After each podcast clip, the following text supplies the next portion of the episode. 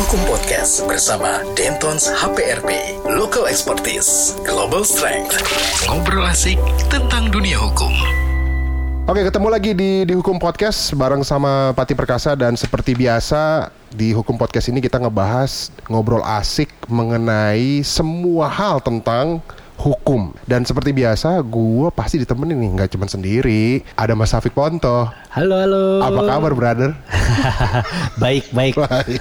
Pasti selalu baik lah gue ngeliat lu kayaknya happy terus gitu ya. Padahal meringis gitu ya.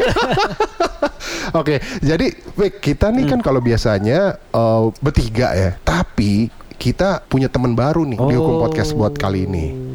Jadi sekarang kita sudah bareng sama Winda dari Dentons HPRP. Apa kabar Winda? Hai, halo, kabar baik. Ah. Alhamdulillah. Winda, coba dong kita pingin tahu nih hari ini nih karena tadi gue ngobrol sama di offer nih sama Mas Safik. Hmm. Mas Safik ini punya permasalahan yang sama dengan apa yang kita bahas hari ini yaitu HKI. Ya kan? Fik, lu Iya. cerita dulu dong Fik. Pengalaman yang tadi lu ceritain ke gue itu. Ya, jadi kan sekarang nih banyak kanal-kanal media sosial nih ya.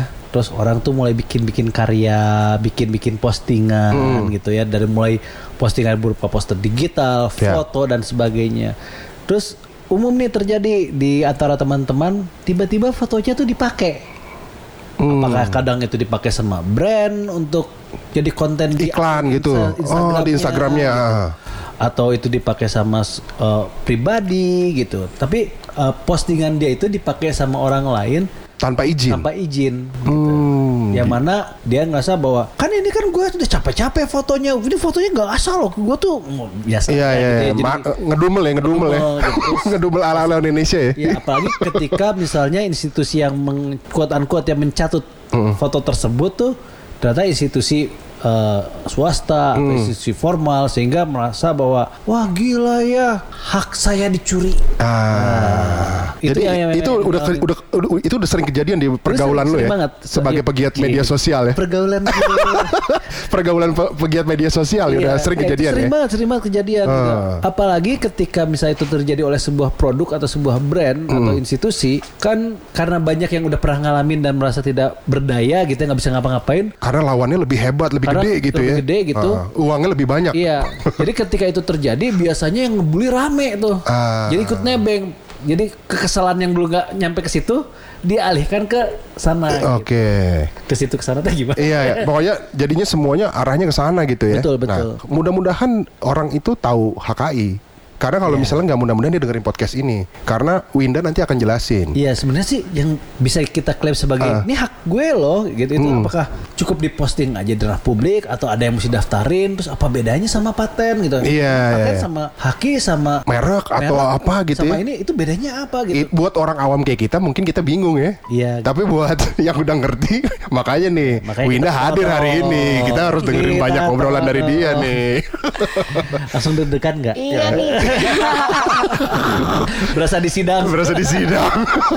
ini sebelum kita masuk ke ke ke hal yang lebih dalam, sebenarnya Winda pengen tahu dong HKI itu sebenarnya apa sih gitu? Karena mungkin banyak yang udah pernah dengar HKI, tau-taunya singkatan doang, tapi nggak tahu sebenarnya maksudnya tuh apa gitu. Jadi eh, sebenarnya kan emang saat ini Hmm. eh, untungnya kayaknya banyak orang udah mulai eh, pengen tahu Ya. apa HKI. Sebetulnya dulu sih sebutannya haki, tapi beberapa tra- tahun terakhir itu kita itu A-nya dihilangin Hmm. dari pemerintah. Jadi makanya HKI.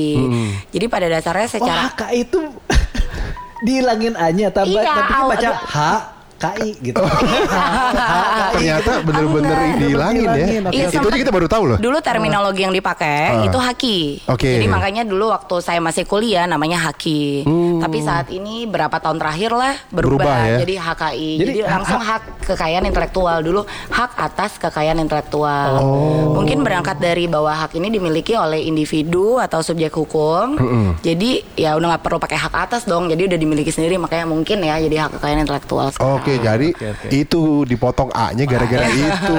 Ah, dulu Pasti lo kira HA ya, HA ya, HA ya. Iya, hanya tuh HA KI gitu. Which benar dulu, Gitu tapi ya? sekarang udah berubah, Berubah jadi ya? HKI. Enggak, tapi kan cuma beda cara baca doang. Iya. Karena emang beda hilang satu huruf. Kalau sebenarnya kita ngebahas mengenai apa sih HKI itu? Jadi eh, sebelum saya juga kuliah di Fakultas Hukum, Hmm. jadi di Fakultas Hukum itu ada eh, subjek haki. Oke. Nah baru ngerti bahwa memang dikenal hak atas kekayaan intelektual atau Oke. sekarang HKI. Ada tujuh yang dilindungi di Indonesia. Kalau orang awam itu pasti nggak ngeh deh apa aja sih kekayaan intelektual kan kirain untuk eh, orang-orang tertentu yang memiliki, tapi sebetulnya itu tidak Iya. bahwa semua manusia yang memiliki akal, mempunyai ide, mempunyai uh, keinginan untuk berkreasi itu setelah dia menerbitkan atau menciptakan kreasinya itu dapat mendapatkan perlindungan dan Itu dilindungi langsung ya? negara. Langsung, Iya. seharusnya. Jadi uh, nggak juga tergantung tergantung jenisnya karena ada merek dan indikasi geografis itu satu. Oke. Ada hak cipta. Oke. Kedua, ketiga paten, empat desain industri, kemudian ada desain tata letak sirkuit terpadu, rahasia dagang dan varietas tanaman. Oh, jadi jadi nggak digabungin jadi satu semua gitu ya? Ada sub-subnya gitu ya? Ada sub direktorat sendiri di bawah direktorat haki, tapi ada subnya lagi. Tapi orang yang familiar kan banyaknya merek. Iya, taunya merek gitu. Paten itu beda, beda-beda sendiri dan treatment juga beda. Varietas tanaman gimana ngepatenin bayam gitu. Jadi lo kalau punya Varietas bayam tapi tumbuhnya segede pohon nangka, nah itu lo patenin bisa tuh. Oh gitu. Iya, kalau itu ranahnya di Kementerian Pertanian. Oh. Jadi diakui bahwa ada uh, apabila menemukan varietas tanaman yang baru unik, kemudian dapat diberikan nama. Nah, itu bisa kalau memang ada kehususan yang sesuai sama aturan, bisa untuk diajukan ke Kementerian Pertanian. Ada Oh. direktorat tersendiri ke Pusat Perlindungan Varietas Tanaman. Oke. Kayak bikin semangka tapi kotak gitu. Iya, itu lo, lo, lo bisa semangka kotak susah juga bro nyimpen kayak kerdus. Kayak kerdus. Nah, Untungnya jadi- sih kalau yang untuk masyarakat umum sekarang sih udah mulai banyak yang eh, pengen tahu dan pengen memiliki hak karena kan namanya Iya, iya, juga iya. hak. Iya. Iya, jadi udah mulai sedikit-sedikit orang rasa ingin tahunya tuh makin tinggi. Mm-mm. Iya, iya. Ngeliatnya itu kalau misalnya perkembangan UKM tuh kan gue ngeliatnya sekarang tuh semua udah punya wi- wirausaha lah gitu ya dari kopi dari apa gitu kan ya. Iya. Nah itu sebenarnya penasaran aja sih kalau misalnya kita bikin sebuah merek gitu ya itu kalau mau didaftarin gimana caranya sih karena sampai saat ini kalau gue sebagai orang awam gue punya brand sesuatu gitu ya gue nggak tahu loh kalau mau gue daftarin tuh langkah-langkahnya kayak gimana Mas Pati udah paham banget kayaknya merek sama paten ya Karena biasanya kalau orang ngeh Pasti bilangnya gue mau patenin dong Logo gue Hmm. Nah, iya. yang dipakai biasanya Betul, kayak betul. gitu kan Iya. Tapi memang Itu kalau- sepertinya saya. Ya, karena lo iya. kira masih sama ya Jadi patenin dong. Dulu bahkan ketika masih kuliah juga kita ngehnya patenin dong. Kalau misalnya ada yang baru atau keunikan atau Iya. ada sesuatu yang kita mau klaim itu punya kita, dipatenin gimana sih caranya atau udah paten belum?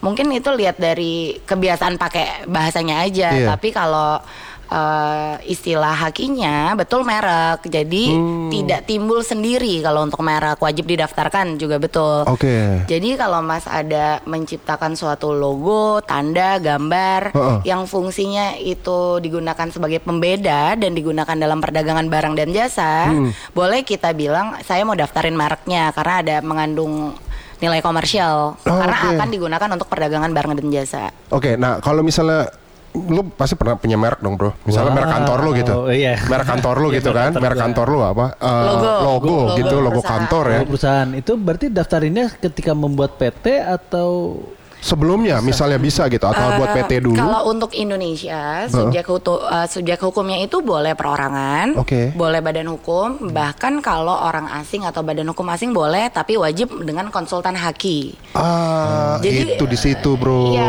nggak semua advokat, nggak semua ya? konsultan hukum itu langsung otomatis menjadi konsultan haki itu tidak, Oke. karena harus sekolah dulu, belajar, tes, terus disertifikasi juga. Hmm. Tapi kalau orang Indonesia, pihak Indonesia itu boleh langsung mendaftarkan. Oke. Tapi biasanya sih karena ngelihat untuk uh, tahu detail karena kan itu kayak 45 kelas, tergantung Hmm. nanti untuk digunakan di mana, di barang atau di jasa. Karena Hmm. intinya kan di perdagangan. Oke. menimbulkan uang ya ada Kalau merek nilai uang Perdagangan. Untuk perdagangan, Untuk perdagangan, Jadi ya. melekat di produk atau di jasa. Misalnya kayak kita law firm. Itu kan kita jasa konsultasi. Nah, itu kelasnya berbeda. Misalnya kayak kelas 45. Tapi kalau misalnya di produk, let's say kopi. Kopi, itu kelas ya. 30. 45 tuh apa? Ada uraiannya kita ikutin secara Oh. international recognize. Oke oke oke. jadi Tak ternyata tuh dibagi bro kalau Dibagi misalnya klasifikasinya. kelasnya Oh, tak pikir kelas angkatan kayak kampus. Wah, amat. 45 tua banget bro Nah, jadi sebelum kita bikin PT ini contohnya misalnya saya nih sama teman-teman saya mau bikin sebuah perusahaan nih gitu. Oke. Nah, tapi kita belum punya PT, tapi logo udah keluar duluan dong biasanya kan. Nah, itu biasanya boleh nggak sih kita langsung daftarin sebelum ada PT atau ada CV atau ada apanya gitu? Iya boleh. Jadi kalau misalnya kayak gitu dilihat eh, itu kan balik lagi karena hak kekayaan intelektual dilihat sebetulnya siapa pencipta Hmm. Logonya. pertama iya, Ah. logo. Kalau memang nantinya logo itu akan digunakan dalam perdagangan barang atau jasa, better didaftarin dulu juga nggak apa-apa. Karena kan nunggu kalau proses PT walaupun sekarang juga udah cepet sih kalau mau bikin PT. Iya, ya Udah sekarang kalau PT. PT kan udah banyak tuh Betul, yang betul. yang apa yang ekspres gitu nggak kayak zaman dulu, Bro, Iya, gitu kan. Iya, betul betul. Semua udah di online sekarang. Jadi Betul sih. dilihat kapan mau untuk mulai diperdagangkan aja kalau emang mau lebih duluan ya silakan karena kan supaya dapat perlindungannya itu buat 10 tahun. Ah, 10 tahun ternyata perlindungannya. Jadi kalau setelah 10 tahun, mesti Bu, bisa diperpanjang. Kalau Oh. merek bisa kalau karena kan kalau kalau enggak diambil orang bisa gitu. kalau desain industri nggak bisa, itu menjadi uh, milik umum, domain umum Oh. untuk ranah desain industri. Eh, ranah desain industri itu contohnya? Nah, kalau desain industri itu misalnya kayak bentuk-bentuk yang memiliki estetika, misalnya uh, box bayi atau Oh. casing handphone ya Ah, ah. apa pun yang pokoknya dapat diwujudkan dan ada estetikanya, Hmm. itu kita boleh daftarin termasuk desain baju kalau ada perbedaannya lah Hmm, pengen ngeklaim itu kita nyiptain pertama kali dengan keunikan tapi bukan motif ya ketika Iya, iya, bicara iya. motif itu masuknya ke ranah yang kaos beda hitam ratusan gitu ya. iya. bukan ya. Bukan, misalnya lu bikin bikin apa namanya baju ya kan, tapi bukan dua, ada empat biji gitu ininya lengannya. Nah, itu kan unik ya. Iya. Jadi itu yang didaftarin ya kalau misalnya buat desain industri ya. Iya, dengan resiko setelah 10 tahun ya udah menjadi milik umum dan tidak dapat diperpanjang. Jadi hak eksklusifnya hanya 10 tahun untuk si pemilik. Pemilik. Itu desain industri. Berarti 10 tahun itu kalau buat desainer baju atau desainer produk gitu ya itu ber- berharga banget ya 10 tahun itu ya. Iya, harus sudah siap sih. Tapi kebanyakan orang ke ke arah yang uh, keunikan misalnya mereka kalau sekarang kan anak-anak muda zaman sekarang udah banyak kreatif banget tuh mereka semua rata-rata. Misalnya bentuk uh, keranjang yang berbeda, bikin vas, bentuk berbeda-beda, Iya. bikin kursi yang udah lebih Macam-macam lah. Macam-macam. Ha-ha. Biasanya mereka lindungin supaya orang nggak bisa jiplak. Jadi mereka lindungin di merek secara logo atau nama mereknya untuk produknya. Desainnya pun mereka lindungi itu dengan desain industri dengan konsekuensi hanya berlaku 10 tahun. Nah ini menarik Vic. Soalnya kalau misalnya ini pasti nggak banyak yang tahu nih. Iya betul. betul nggak banyak yang Nggak tahu banyak nih. Jadi yang tahu. ketika kita bikin, contohnya misalnya kita bikin di desain kepala kita sendiri deh, yang kerjain tukang kayu gitu ya. Terus habis itu kita ngerasa wah ini unik, nggak nggak ada yang belum pernah ada yang bikin nih gitu. Iya. Terus nggak di patenin atau nggak didaftarin gitu ya, kan bisa diambil sama orang gitu. Ya? Iya. Padahal sebenarnya itu bisa jadi desain dia bisa jadi sebuah pa- hak patennya dia gitu kan ya Iya sebenarnya. karena gitu ya. prinsipnya kan first to file untuk merek, untuk desain industri. Siapa yang Siapa yang tercepat? Iya, yang duluan duluan. paten Oh. masih first to Eh, file. ngomong-ngomong tadi merek sama paten tuh bedanya apa? Merek sama paten sih kalau secara definitif Hmm. dari uh, sisi hukum itu jelas dua ranah yang berbeda. Kalau Ya. merek balik lagi itu bisa logo, nama, tulisan, tanda digunakan dalam barang dan uh, perdagangan barang atau jasa. Ya. Kalau misalnya paten itu terkait ada invensi dibilang teknologi. Jadi itu ada proses di dalamnya dan bisa untuk diklaim dan dibuktikan dan bisa diproduksi massal dengan teknologi yang dia miliki spesifik. Hmm. Itu di- uh, dia bisa lindungin. Contohnya mbak, kalau misalnya paten nih, ini contohnya nggak tahu salah atau benar nih ya Winda ya. Bikin app misalnya, app, aplikasi, software. software. Nah, I- itu ini ini gimana? Hmm. unik nih. Lucunya kalau di Indonesia ambilnya itu di hak cipta kalau program komputer. Oh beda lagi ya. Beda. Oke oke oke. oke. Ranahnya karena kita kan eh, ikutin civil law tuh kebanyakan negara civil law Indonesia salah satunya itu kalau eh, program komputer masuk ke hak cipta. Tapi kalau kayak Amerika itu mereka paten. Paten ya. Itu Ah, beda. Jadi perbedaannya di situ ya. Oke oke Dan oke. hak itu Makin tergantung ngerti negara. Jadi kalau misalnya pengen daftarin di Singapura karena ada produk yang mau dijual beli di sana, ya daftarkan di Singapura. Walaupun Indonesia baru meratifikasi untuk uh, Madrid Protocol. Jadi bisa international registration. Hmm. Registration ya, Beberapa inter- negara langsung misalnya diajukan di Indonesia, Indonesia udah udah join juga. Jadi udah ratify dan bisa dilakukan. Dan itu kalau yang udah udah tadi apa Madrid Madrid Protokol. Madrid protokol itu udah di kita daftarin aman ya semua. Eh, kan ada proses nega- di Balik negara-negaranya. lagi ke- itu kan memberikan eh, karena hak itu kan diberikan oleh masing-masing negara kepada eh, pihak yang melakukan pendaftaran. Iya, Jadi, individu gitu Kalau ya. di Indonesia didaftarkan, maksudnya prosesnya udah masuk bersamaan. Tapi Hmm. nanti misalnya di Singapura, Singapura juga harus eh, cek sendiri. Jadi Madrid Protokol itu adalah Kayak misalnya kesepakatan hukum sebenarnya mungkin ya. oh kesepakatan Gitu. hukum gitu ya Ah. untuk bisa bisa mendaftarkan di negara sendiri tapi Berlaku di negara-negara yang lain masuk ya. gitu. Bener kan bukan begitu? Jadi gini. Jangan-jangan Kita sotoy banget. bebas. Kita sotoy banget kayak kita anak hukum aja nih begini nih. Eh, Padahal Winda lebih tahu nih. Itu ada destinasi wisata gitu. Uh, jadi kadang-kadang uh, bukan kadang-kadang ke sih biasanya tuh kalau misalnya negara-negara yang memiliki persamaan visi yang sama uh, untuk melihat uh, bagaimana suatu hukum untuk Iya. diterapkan biasanya mereka bersama-sama menjadi anggota suatu organisasi. Kalau misalnya Oke. let's say bicara tentang haki itu tunduk kepada WIPO uh, World Intellectual Property uh, Organization. Oke. Nah, biasanya negara-negara itu juga uh, daftar di situ. Nah, di situ ada konvensi. Konvensi itu kayak pertemuan-pertemuan yang mereka buat, yang mereka canangkan. Uh, kemudian mereka uh, membuat suatu uh, kayak kesepakatan untuk menerapkan suatu hal. nah, kalau Madrid Protokol itu karena dibi- dibuatnya di Madrid. Biasanya mereka sebut nama negara-negara di mana mereka bikin pertama kali. Uh, sebetulnya ini sih negara-negara lain mungkin udah lebih duluan. Tapi Iya, kan iya. kalau Indonesia secara hukum kalau kita mau adopsi uh, apa putusan organisasi secara internasional yang membawa nama negara, kan kita perlu ada namanya ratifikasi. Iya. Hmm, Sudah betul. dirita- eh, ratifikasi sih dari tahun lalu ya kalau nggak salah. Jadi sekarang udah implementasi, jadi sudah bisa diterapkan. Jalan ya, udah sudah mulai jalan ya berarti Jadi ya. udah bisa.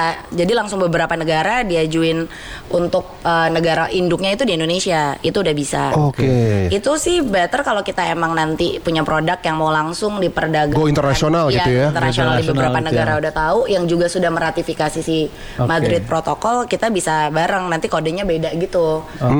Kalau kalau kalau gitu yang yang terkait sama di patenkan itu kan yang terkait sama teknologi tadi ya. Kalau paten. Paten ya. Iya. Jadi kayak misalnya source code algoritma gitu eh, di kalau bisa bikin eh, program gitu Ah, kan. program gitu ya. Kan itu kan ada ada ada source Kode-kodenya, source code-nya yang Iya. yang source code ini kan eh, memikirkan algoritma itu kan kreativitas Iya betul biar bentuknya bisa Dan jadi macam-macam. Nah. nah si source code ini tuh masuknya ke paten atau ke haki atau sebetulnya itu lain lagi ceritanya Em, karena ranahnya kalau paten itu teknologi yang dikaitkan eh, diterapkan di produk atau alat dan berguna secara eh, luas. Luas. gitu. Jadi kalau misalnya kalau di Indonesia tuh eh, misalnya ada suatu alat, alatnya bisa untuk eh, attach di mesin yang bisa bikin eh, nyala mesin lebih maksimal sehingga guna bensin jadi sedikit. Oke. Nah, jadi dia teknologi di dalamnya itu ada yang agak berbeda dan cuman dia yang punya. Iya. Tapi bukan di masalah algoritma atau program komputer. Kalau Oke, itu benar-benar oke. masuk ke hak cipta Oh. sampai saat ini, di mana timbul dengan sendirinya tanpa didaftarkan. setelah dia Kalau nge-publish gitu ya. Iya, benar Oke. harus diungkapkan. ke Oke. I- Ini ini sebenarnya sebuah info yang luar biasa loh karena Iya betul betul. gue kira tuh segam apa daftarin merek itu atau paten gitu ya Hmm. itu susah banget ternyata semua udah diatur jadi sebenarnya kalau misalnya apalagi contohnya misalnya Iya, iya. kita punya sebuah produk yang udah kita build atas nama kita dan ternyata kita pasarin ke luar negeri yang sudah sesuai sama Madrid protokol itu Hmm. otomatis kita hak kita dilindungin ya Kalau kita sesuai dengan ketentuan negara tersebut. Iya, Jadi, maksudnya tidak tidak melawan ya, tidak ini. nggak usah kita harus ke Singapura Ah, lagi betul, terus betul. daftarin di ke sana. Iya, iya, iya. Nggak perlu, tapi bisa eh, pakai negara awal. Iya, Kita negara bilangnya Indonesia, tapi berlaku juga misalnya di Singapura gitu kan ya. Proses aplikasinya masuk bersamaan. Iya, barengan. Iya. Enak loh yo. Kalau Jadi belum tentu diterima semua ya, Mas? Iya iya iya. Jadi Karena siapa tahu ada barang yang sama di Iya, Singapura duluan betul. gitu kan. Oh, kalau- udah ngerti. Iya. Jadi kan terkait yang ah, Belajar banget nih tentang hukum nih. Luar biasa, udah di drill abis gua. bener nih. kalau ini apa? Jadi kalau kalau haki itu kan kalau publish baru selalu otomatis milik gitu. Hak cipta, Mas. Hak cipta. Oh, Ya. hak cipta. Hak cipta. Hak cipta itu beda Copyright sama sih, gitu. Copyright. Bahasa Inggrisnya. Oke, jadi hak cipta itu bukan HKI ya. Beda itu bagian dari, Dari hak HKI. kekayaan intelektual. Oke, Yap. jadi kalau misalnya ide itu termasuk hak cipta berarti ya? Ide belum termasuk kalau belum diwujudkan. Oh, Jadi lu kalau kebanyakan ide lu nggak bisa Kalau baru punya cuma ada di pikiran. kalau kalau diwujudkan di posting di Twitter gitu misalnya, eh gue punya ide nih, gue mau bikin gini gini gini gini, gini gitu, gitu. posting itu masuk. Kalau bicara hak cipta kan ada juga balik lagi walaupun dia terdaftar otomatis sejak dipublish, Iya. eh, sejak diungkapkan atau ada wujudnya, tapi balik lagi dia masuk ke objek ciptaan nggak? Jadi kita bisa lihat tuh apa aja sih objek ciptaan yang mendapatkan perlindungan hak cipta. Oh, jadi kalau ngide doang, Nggak sembarangan, "Ah, gua mau bro." bikin karakter yang keren banget, bentuknya kayak bola bekel gitu misalnya gitu ya. Nah, Terus- tapi belum kelihatan Tapi belum bentuknya. kelihatan bentuk bola bekelnya gimana. Belum bisa. Terus tiba-tiba Mas Pati bikin nih bola bekelnya kayak gini, Fik. Gini ya dong gitu. ya hak ciptanya karena dia dong. siapa yang duluan tercepat kan? Iya, Tuh. kalau mewujudkan, Mewujudkan ide. Nah ini Gitu jadi sebuah tips nih buat pendengar di hukum podcast. Kalau punya ide sudah bikin sesuatu, itu jangan dipamerin dulu di sosial media sebelum dipatenin. Bukan. salah salah. Sebelum didaftarkan. Bukan juga. Bukan. Jadi apa lagi? Kalau zaman sekarang kan untuk menghindari hal-hal yang kita punya prasangka dengan orang lain, sebaiknya tetap dicatatkan hak ciptanya. Iya, iya, iya, Jadi iya. kalau uh, aware kalau yang lain kan pendaftaran, tapi Iya, kalau iya. hak cipta pencatatan hak cipta. Pencatatan tuh gimana caranya? Jadi kayak submit kalau nanti isi formulir standar itu dikeluarkan oleh Ditjen. Di online ada di online? Di online ada, jadi bisa ke DJKI. Oke. Kalau misal untuk dibantu konsultan juga boleh, boleh Ya pasti dong. Kami, Cik. Pasti dong. Oh iya tentu gitu. Ya, jadi kalau misalnya mau mau konsultasi mengenai hal seperti ini ya, hubungan sama HKI, udah pasti langsung datang ke Dentons HPRP, Bro. Ya. Iya iya iya. Berarti kita udah punya nih, jadi kita bisa Linknya udah ya. ada nih Ya, kita. linknya udah ada, kita gini ya banyak terus publish terus terus Publish. daftarin dong, daftarin dong. Laku nggak laku ya, Yang penting daftar udah dulu jadi hak ya. cipta Oh, duluan. hak cipta duluan. Berarti ini kalau kayak apa teman-teman yang eh, ilustrator Ah. itu itu dia gambar aja publish terus bilang ke misalnya ke pihak ketiga bahwa eh gue bikin, Gua ini, bikin ini, ini loh, karakter ha. gini ini kayak gini gini gini gini gitu itu berarti udah hak ciptanya di dia Iya. terus di, dari itu baru nanti dia perlu mendaftarkan gitu ya Men- ma- menca- Mencatatkan. melakukan pencatatan. Pencatatan. Iya, jadi kayak Oke. itu untuk security aja in case Ada nanti yang sama. ada yang sama.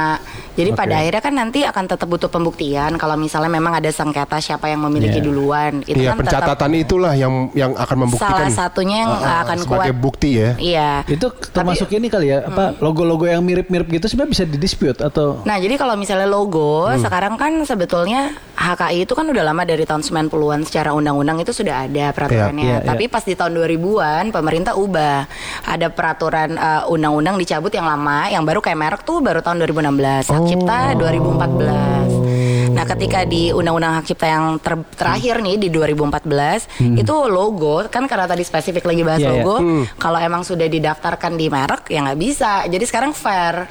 Karena dulu iya cikal Ini OO-nya kita OO orang awam banget ya, ketahuan banget ya maka gak ngerti begini ya.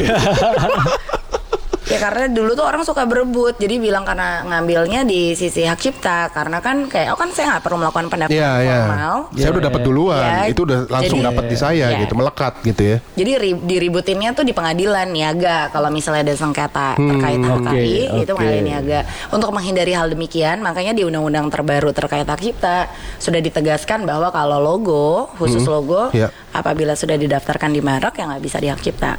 Oke, Jadi itu itu sebuah tips yang luar biasa yang tuh. Jadi jangan sampai salah ya. Jadinya sebenarnya mudah-mudahan apa yang kita udah bahas tadi ini tuh jadinya semua orang tahu bahwa ternyata semuanya tuh nggak sama gitu loh. Iya. Kalau saya mau ngebahas sekarang penasaran mengenai desain industri, gitu kan ya. Nah, kalau di desain industri itu sebenarnya apa aja sih yang dilindungin sama HKI? Desain itu kan apa namanya hal yang luas ya. Arsitek gitu misalnya, itu kan termasuk sebuah Itu desain masuk desain gambar. industri nggak Ah, arsitek? Nggak tahu deh. Kalau layout sih enggak karena kan dia harus eh, keluar dalam arti dia eh, tiga dimensi. Oh. Jadi ada estetikanya di situ dan dapat diproduksi massal. Jadi dia eh, kalau misalnya ada keseluruhan bisa partial sama yang terakhir misalnya bisa satu kesatuan. Jadi tertentu aja. Tertentu, ah. Kalau misalnya misalnya nih em, kalau misalnya kayak keranjang bayi deh tadi Ya, saya keranjang bayi. jelasinnya box bayi Box untuk bayi. bayi. tidur. Kadang kan orang sekarang mau lebih irit supaya dia bisa dipakai sampai dia umur 10 tahun, nggak Ya. cuman untuk satu tahun. Jadi kalau emang punya ide bikinin box tapi yang bisa diperpanjang, Hmm, dipanjangin, dipanjangin lagi. lagi, ha-ha. tapi nanti ketika kita aplikasi untuk pendaftaran desain industrinya itu difoto dari berbagai sisi. Jadi nggak cuman partial dia cuman bagian kayak perpanjangannya aja, tapi Iya, iya. makanya bisa tampak depan, tampak belakang, tampak samping. Jadi itu nanti detail. Oke. Dan panduannya sebetulnya jelas banget. Jadi sepanjang Hmm. kita telah melengkapi apa yang diminta oleh eh, Direktorat HKI, Hmm. sebetulnya sih cepet sih prosesnya. Asal semuanya udah kita sediain ya. Kita sediain. Dan itu semuanya bisa diupload langsung by online atau harus lewat Kalau eh, desain konsultan? industri yang eh, yang kita tahu sih online itu yang udah pasti merek, karena kan merek yang paling Iya, signifikan paling ga- eh, paling gampang lah ngelihatnya. Ya. dan yang paling signifikan perkembangannya. Dari tadi kayaknya Mas Safik nih sedang mikir sebuah pertanyaan pamungkas nih. Jadi kan tadi kan dibahas tentang desain industri tuh. Mm-mm. Nah, ini case tadi nih misalnya. Misalnya ada seorang arsitek, dia ngedesain satu rumah. Mm. Terus rumah ini buat di komplek perumahan. Oke. Sehingga satu desain rumah ini direplikasi jadi banyak rumah. Karena nggak mau bayar arsitek baru, udah pakai desain itu aja gitu. Tanpa seizin si arsiteknya. Bikin Ah, lagi replikasi lagi. Padahal iya, kan bener tuh, banyak tiap tuh kayaknya. gambar itu kan apakah itu bisa di tadi ya dimasukin ke dalam yang kaitannya sama desain industri Iya. gitu atau itu masuknya ke haki eh ke haki lagi ke hak cipta Iya, hak gitu cipta, ah. hak cipta gitu atau itu di dijadikan apa atau itu ternyata masuk ke paten mungkin gitu Mhm. nah itu yang yang mau ditanyakan Nah ini, ini buat para arsitek yang lagi bekerja atau dikontrak sama apa namanya developer raksasa. Dengarkan nih penjelasan ini Ah. penting banget nih dan buat kalau misalnya terasa wah bener banget tuh gitu Nah. ya jadi kalau misalnya mau kontrak sama kontraktor raksasa udah tahu nih kan Iya. larinya ke konsultan yang mana gitu. Yoi. oh di Denton HPRP ah bener nih Iya. ngomongnya nih Gimana, Win? Iya, jadi kalau tadi akhirnya yang akan ditanyakan dalam bentuk karya arsitektur, Iya. desain, Iya, iya. ya kan? Betul, betul. Jadi kalau misalnya developer udah dapat dari seorang arsitek, terus dia mau nyontek untuk perumahan yang lain, Iya. kayak gitu. Nah, jadi eh, balik lagi ke konsep itu lebih tepatnya hak cipta, mas. Kenapa? Karena eh, k- eh, termasuk kepada hasil yang diperoleh dari ciptaan eh, ide dari otak nih diwujudkan dalam bentuk ar- eh, karya arsitektur. arsitektur, ah. Udah termasuk objek ciptaan. Kalau misalnya kita bisa lihat detail, kalau teman-teman nanti pengen dengerin, eh, maksudnya pengen tahu dan baca, bisa lihat langsung di undang-undang. Pada dasarnya itu ada ciptaan apa saja sih yang memang terlindungi secara otomatis. Oke. Salah satunya karya arsitektur. oh gitu Iya, Wow. jadi karya arsitektur itu buat teman-teman arsitek di luar sana nah ini mesti nyimak nih ya Didengarkan ini, dengarkan baik-baik. yang udah pasti ciptaan terlindungi otomatis apabila telah diungkapkan dan diwujudkan itu adalah wujud fisik bangunan, penataan letak bangunan, Heeh. gambar rancangan bangunan, gambar teknis bangunan dan model atau maket bangunan. Wah, ma- dari market bro. Jeng. Market aja udah dilindungi loh. Oke oke oke oke. Nah, Jadi itu ranahnya hak cipta. Hak Hak cipta ya. Iya. Hak cipta karena dia sudah langsung diwujudkan gitu. Kalau sudah diwujudkan, jadi dia, dan dia sudah termasuk di dalam undang-undangnya kalau kita lihat juga udah termasuk objek Mantap nih. ciptaan. Oke. Itu dari jadi jadi, aja jadi dia udah loh, terlindungi. Jadi kalau misalnya si Terlindungi. si developer raksasa ini tiba-tiba aha pakai lagi tempat lain gitu itu Nah, uniknya kalau udah developer raksasa kan pasti udah baca juga dong peraturan yang berlaku kayak apa. Ah, iya betul. benar juga nih. Jeng, jeng, jeng. jeng, jeng. Kalau udah mau hire arsitek, kemudian itu atas dasar pesanan, nanti kan dia bisa bikin di perjanjiannya juga bahwa nanti siapa yang Oh. pemegang hak ciptanya. Boleh diduplikasi atau tidak gitu ya. Iya, Jadi pastikan biasanya haknya nanti udah ditulis ada Oh, pengaruhnya ada di langsung di perjanjian Oke. berdua. Jadi buat teman-teman arsitek kalau misalnya nanti ada proyekan sama developer raksasa gitu ya butuh untuk melindungi kekayaan intelektualnya. Iya. Jadi bisa menghubungi ke Mbak Winda kali Iya, ya, gitu bro. ya. Ini jadi kita tahu nih. Ntar lu, lu mau bangun apa sih? Oh mau bangun komplek rumah? ya gaya benar. Amin amin ya amin.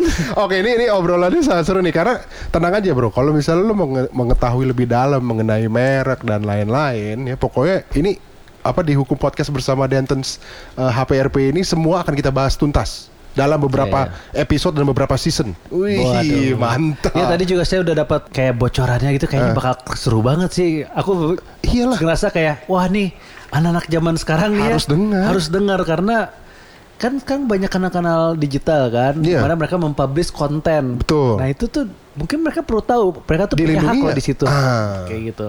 Bener bener bener bener. bener. Oke, ini thank you banget Winda buat penjelasannya di eh, apa namanya episode kali ini Ya, mengenai mudah-mudahan nggak kapok ya. HKI ya. HKI ya, bukan iya. bu- bukan, Bukan haki ya. haki lagi. HKI. Dan itu tiga huruf ya, Tiga huruf ya. empat huruf ya. Kalau sampai kira itu empat huruf. nah, jadi kalau misalnya yang berikutnya Mbak kita akan bahas apa sih sebenarnya nih Win? Jadi eh, karena tadi kan sebetulnya dijelasin ada tujuh kan Hmm. HKI itu apa aja, tapi kita lihat yang sekarang orang yang paling eh, pengen taunya cepet tuh Ya. biasanya tentang merek, hak cipta. Oke. Nah, nanti Jadi yang berikut kita akan ngebahas Merek. lebih dalam tentang merek nih. Iya. Mantap. Jualan, jualan, jualan. Ini, ini Dagang, buat dagang, dagang. buat para entrepreneur ya. Pastiin nanti di episode kedua jangan kelewatan karena di di episode pertama aja lu udah dapat banyak tips nih sebenarnya. Oke, ada lagi Winda yang mau disampaikan ke teman-teman pendengar di Hukum Podcast bersama Dentons HPRP? Iya, jadi intinya kalau misalnya emang udah pengen melakukan sesuatu hal yang berbeda dan udah ada di pikiran, udah mau ngapain, please eh, jangan pernah ragu untuk mewujudkan secara langsung dan untuk dilindungi kekayaan intelektualnya karena itu termasuk hak yang membutuhkan eh, untuk dilindungi. Jadi please daftarin, terus awareness atau kesadaran mengenai hak kekayaan intelektual juga semakin ditingkatkan karena itu ada uangnya loh, nanti kan bisa kita alihin anyway. Ah, itu penting, Bro. Dan kalau kita masih dapat Ronti, kalau ada tanya-tanya gitu, tinggal hubungin Mbak Winda. aja Iya ya. dong. Iya dong, ke Dentons HPRP. Jangan Oke, lupa ya. oke. Jadi Winda, kalau misalnya nih teman-teman pendengar eh, di Hukum Podcast mau tahu lebih banyak mengenai Dentons HPRP, ini ada Instagramnya atau websitenya yang bisa di follow atau dicek-cek gitu? Ada dong, dua-duanya kita punya. Kalau misalnya Instagram, please go to HPRP Lawyers pakai ad. Jadi itu adalah uh, official account dari kantor kita, Dentons HPRP. Oke. Jadi at HPRP Lawyers. Right. Kalau mau cek lebih detail, please go to website dentons.hprplawyers.com. Oke. Baik, kalau misalnya gitu terima kasih banyak buat waktunya Winda hari ini di episode pertama luar biasa. Thank you juga buat Mas Afik yang sudah nemenin dari tadi. Sama-sama, sama-sama. Ya mudah-mudahan di episode berikutnya kita akan bahas mengenai merek dan pastinya nggak kalah seru sama episode pertama. Oke kalau gitu eh, Pati Perkasa pamit. Winda Tania dari Dentons HPRP juga pamit. Safik Bontoh juga ikut pamit. Sampai ketemu lagi di di hukum podcast berikutnya bersama Dentons HPRP. Ngobrol asik tentang dunia hukum cuma ada di Di Hukum Podcast bersama Dentons HPRP. Local Expertise, Global Strength. Klik denton.hprplawyers.com untuk konsultasi bantuan hukum.